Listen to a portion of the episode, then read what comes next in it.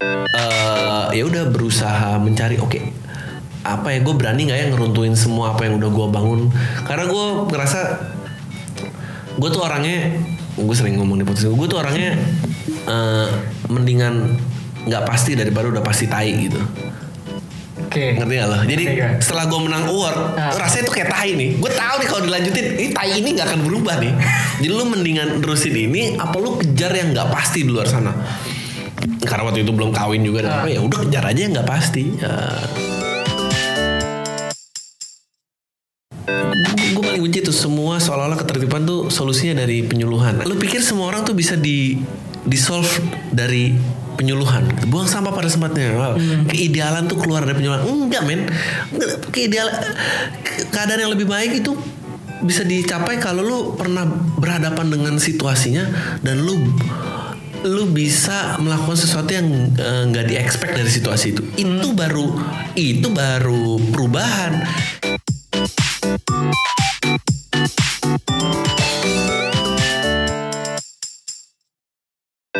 Kayak gue gue nggak bisa bilang gue idealis karena gue nggak pernah gue nggak pernah lari dari apa pun.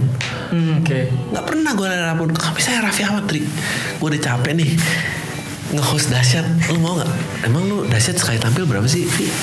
100 juta ah gue telanjang Idealis kalau miskin tuh gampang, sumpah.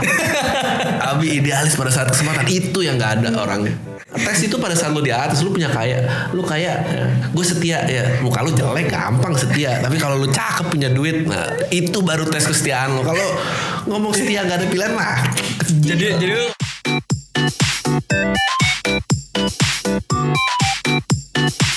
Eh, makmur dulu sebelum beradab. Ya. Nah itu gimana itu? Ya itu kayak tadi, Ah. um, the true the true test of nilai keberadaban lo berarti kan murah hati, Hmm. pengertian, bertoleransi itu kan semua nilai-nilai keberadaban tuh. Iya. Eh, kesabaran, kemakluman.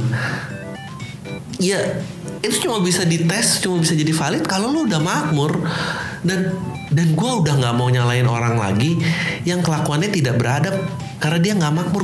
Gue gue 100% ngerti. Gue nggak bilang apa yang dilakuin dia benar. Tapi gue ngerti, ngerti lah bedanya. Gue nggak, Iya, iya, iya. gue nggak nyari. Iya. Tapi gue nggak mau jadi, gue gue nggak mau jadi orang yang menilai soal, ih lo ngapain sih sih ngelakuin itu? Iya lo pernah ngejalan kehidupannya dia nggak? Nggak, dia, dan diem aja menurut gue. Eh, itu sih yang nggak, itu, itu sih yang bikin sosial media ribut banget. Orang nggak- nggak ngerti konsep itu gitu kayak.